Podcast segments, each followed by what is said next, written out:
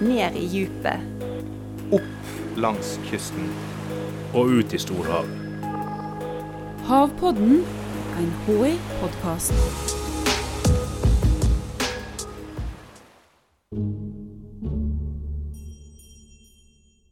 Den ser ut som en diger, panserkledd, brunrød edderkopp. En kompakt kropp i midten, med lange klør som strekker seg ut på sidene. Kongekrabben er ei delikatesse. Som du kan få servert på fine restauranter i New York, London eller i Tromsø. Den er gjerne fiska opp av nordmenn. I 2019 eksporterte vi kongekrabbe ut av landet for over 600 millioner kroner, ifølge Sjømatrådet. Vi fisker den opp fra Barentshavet, men egentlig så hører ikke kongekrabben hjemme her. Kongekrabbens reise, da er litt av en historie. Ja, Det som skjedde, var jo at den ble satt ut i Barentshavet av russiske forskere på 60- og litt inn på 1970-tallet. Jeg heter Jan Sundet, og jeg jobber primært med kongekrabbe. Litt med snøkrabbe og litt med haneskjell. Og hva er denne kongekrabben for en type? Ja, det er en uh, mangfoldig sak. kan jeg sagt. Det er, det er jo for aller først så er det jo en fremmed art. Eh, som er kommet til våre farvann eh, for noen år tilbake. Eh, I tillegg så er det jo antagelig verdens største krabbe. Altså den, eh, det sies i litteraturen at det her er en krabbe som kan bli oppimot 12 kilo. Og det er ganske mye for ett eksemplar. Og hvor kom denne? Du sier at det er en fremmedart. Hvor kom den ifra? Hva var det som skjedde? Eh, krabben ble henta delvis i, altså på begge sidene av Kamtsjatka-halvøya i øst. altså Både på Stillehavssida, men også på Okhotsk-havsida. Så ble det henta både yngel voksenkrabbe, kjønnsmodne hoe, altså med rogn. Det ble satt ut masse larver eh, ved flere anledninger, da i, først og fremst i Burmansfjorden på russisk side. Men hvorfor i alle dager gjorde russerne dette her? Ja, altså, Vi må jo tenke oss her eh, som jeg sier, veldig langt tilbake. og Da var det liksom på moten, i iallfall i den vestlige delen av verden også, at man skulle drive og forflytte arter i, i, i håp om å forbedre fiskemulighetene, eller at man skulle forbedre miljøet, eller hva man skulle gjøre. Så det gjorde vi også i Norge. Vi drev og forflytta arter i Norge også. Eh, men i Russland så var dette organisert gjennom en egen del av departementet der borte, Naturministeriet, som hadde en egen avdeling hvor man drev og flytta arter av alle slag. Og jeg tror på russisk side så flytta man noe sånt som bortimot 1000 arter. Eh, både i, altså ferskvannsarter, saltvannsarter på land osv. Så sånn. Eh, og, og, Russland er et svært land, så man flytta de fra øst til vest, fra nord til sør. Og, ja, i det hele tatt. og kongekrabben var en av de som ble en såkalt suksess i gåseøynene. Og det var selvfølgelig for å Eh, for det første så skape en ny ressurs i Barentshavet som var veldig verdifull, og som man kunne fange på, for man hadde erfaringer fra øst, altså i, i Beringhavet. Eh, så det var liksom hovedmålet, og det sier de fortsatt i dag var hovedmålet den gangen. Men eh, han ble jo ikke værende bare i Murmanskfjorden, denne krabben? Nei, eh, han ble jo ikke det. Han spredde seg jo eh, vestover i, i sørlige del av Barentshavet. Så den første observasjonen av kongekrabbe i norsk sone, det som vi vet om, det var faktisk i 1977. Da ble det tatt en svær krabbe i Varangerfjorden. Og det ble dokumentert gjennom ei lokalavis i Øst-Finnmark. Og så var det veldig stille om denne krabben her. og jeg husker, jeg tror det må ha vært i 1983, så fikk jeg plutselig på bordet et brev fra den gangen Fiskeridepartementet. Et brev fra russiske forskere. Det var en eh, forespørsel der om om man kunne sette ut denne krabben her i Lofoten. For man har funnet ut der og da at Lofoten var et veldig egnet område for krabbe. Hadde, det gikk sikkert frem av brevet at man allerede hadde satt den ut i Barentshavet. Men, men, at man da ville ha norske forskere med seg på å sette den ut i Lofoten. Den gangen, Jeg husker sjøl jeg, jeg, vet ikke om vi gadd å svare på brevet engang. Altså, for det, det her var helt altså, fjern for oss som det kunne bli. Det var først på begynnelsen av 90-tallet, altså 91, 92, 93, at den for alvor kom til, til overflata igjen, på en måte. Hvor da fiskere i Sør-Varanger eh, fikk massevis av denne krabben i garnene sine.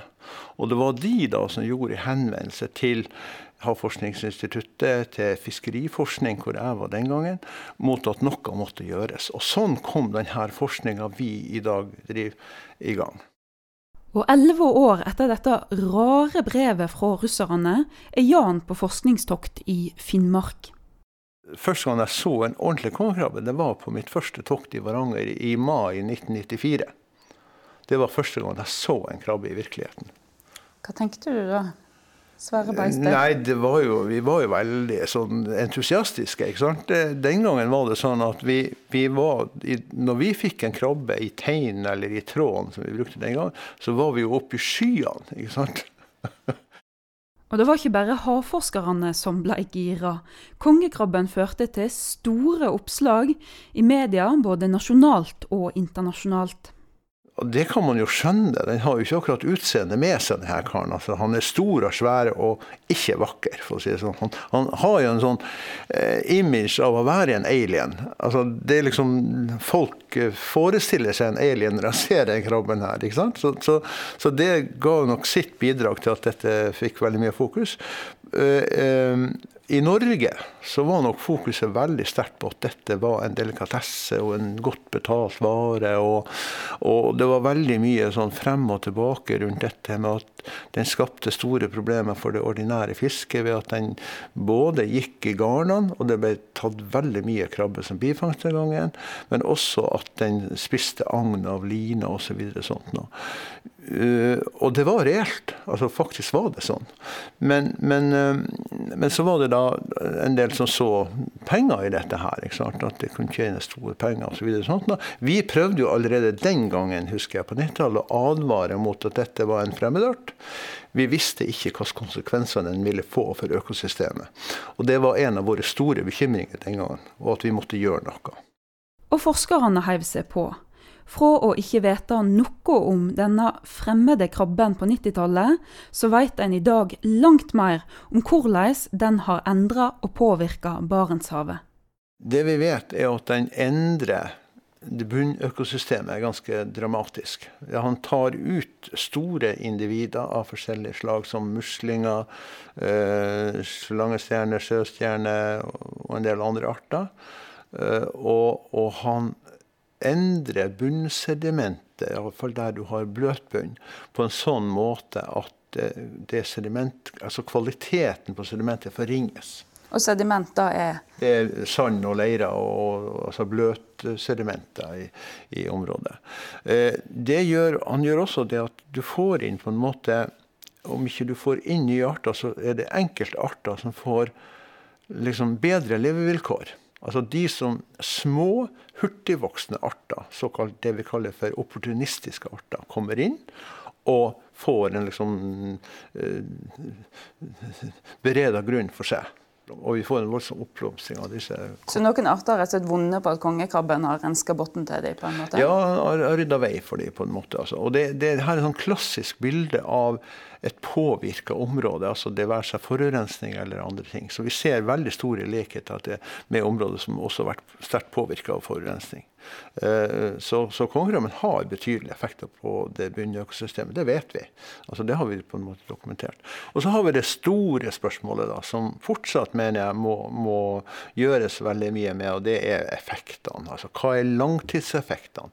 Vi, har, vi vet noe om hva si, det korte tidsperspektivet på effektene. Ja, den har stor betydning for bunnøkosystemet eller bunnfaunaen som sådan, men har dette noen langsiktige virkninger? Hva skjer hvis vi nå fjerner all krabben fra Barentshavet? Vil bunnøkosystemet komme tilbake til det det opprinnelig var? Vil det ta lang tid at det kommer tilbake? Har det at du ikke lenger har store individer av muslinger, sjøstjerner osv., har det noe betydning for de fiskeartene som lever i dette området? Har vi ingen gode svar på så langt. For å flytte arter, da får konsekvenser i naturen. Og kongekrabben er bare ett eksempel. I det øyeblikket vi en, en flytter en art til et nytt område, så mister vi helt kontroll. Altså Vi har ikke noen kontroll med hva som kommer til å skje. I Norge har vi et annet et eksempel som handler om ørretkyte. Som kanskje dere har hørt om. Og Ørretgyta ble flytta fra vann til vann fordi at man trodde at dette var mat for fisken, altså ørreten som var der. Så var det da tvert imot. Altså, det var ørreten som ble mat for ørretkyta. Altså, så vi har en rekke sånne eksempler som, som, ikke er spesielt gode, for å si det ganske enkelt. Men så må vi også huske på at poteten er også en innført art. Og den har jo vært til velsignelse for veldig mange mennesker, ikke minst i Europa. Kongen, han, Kongekrabben er der. altså Han kommer til å bli der. Vi klarer alle å utrydde den hvis vi måtte ønske det. Det er så enkelt. Han har en så stor evne til å formere seg og tilpasse seg de nye miljøvilkårene han har der oppe, at den, den, den vil, kommer til å være bestandig. Havpodden er en podkast fra Havforskningsinstituttet. Jeg heter Stine Hommedal og er rådgiver her. Teknisk produksjon og lyddesign var det Febril Film som sto for. Og du, du hører oss igjen allerede neste onsdag.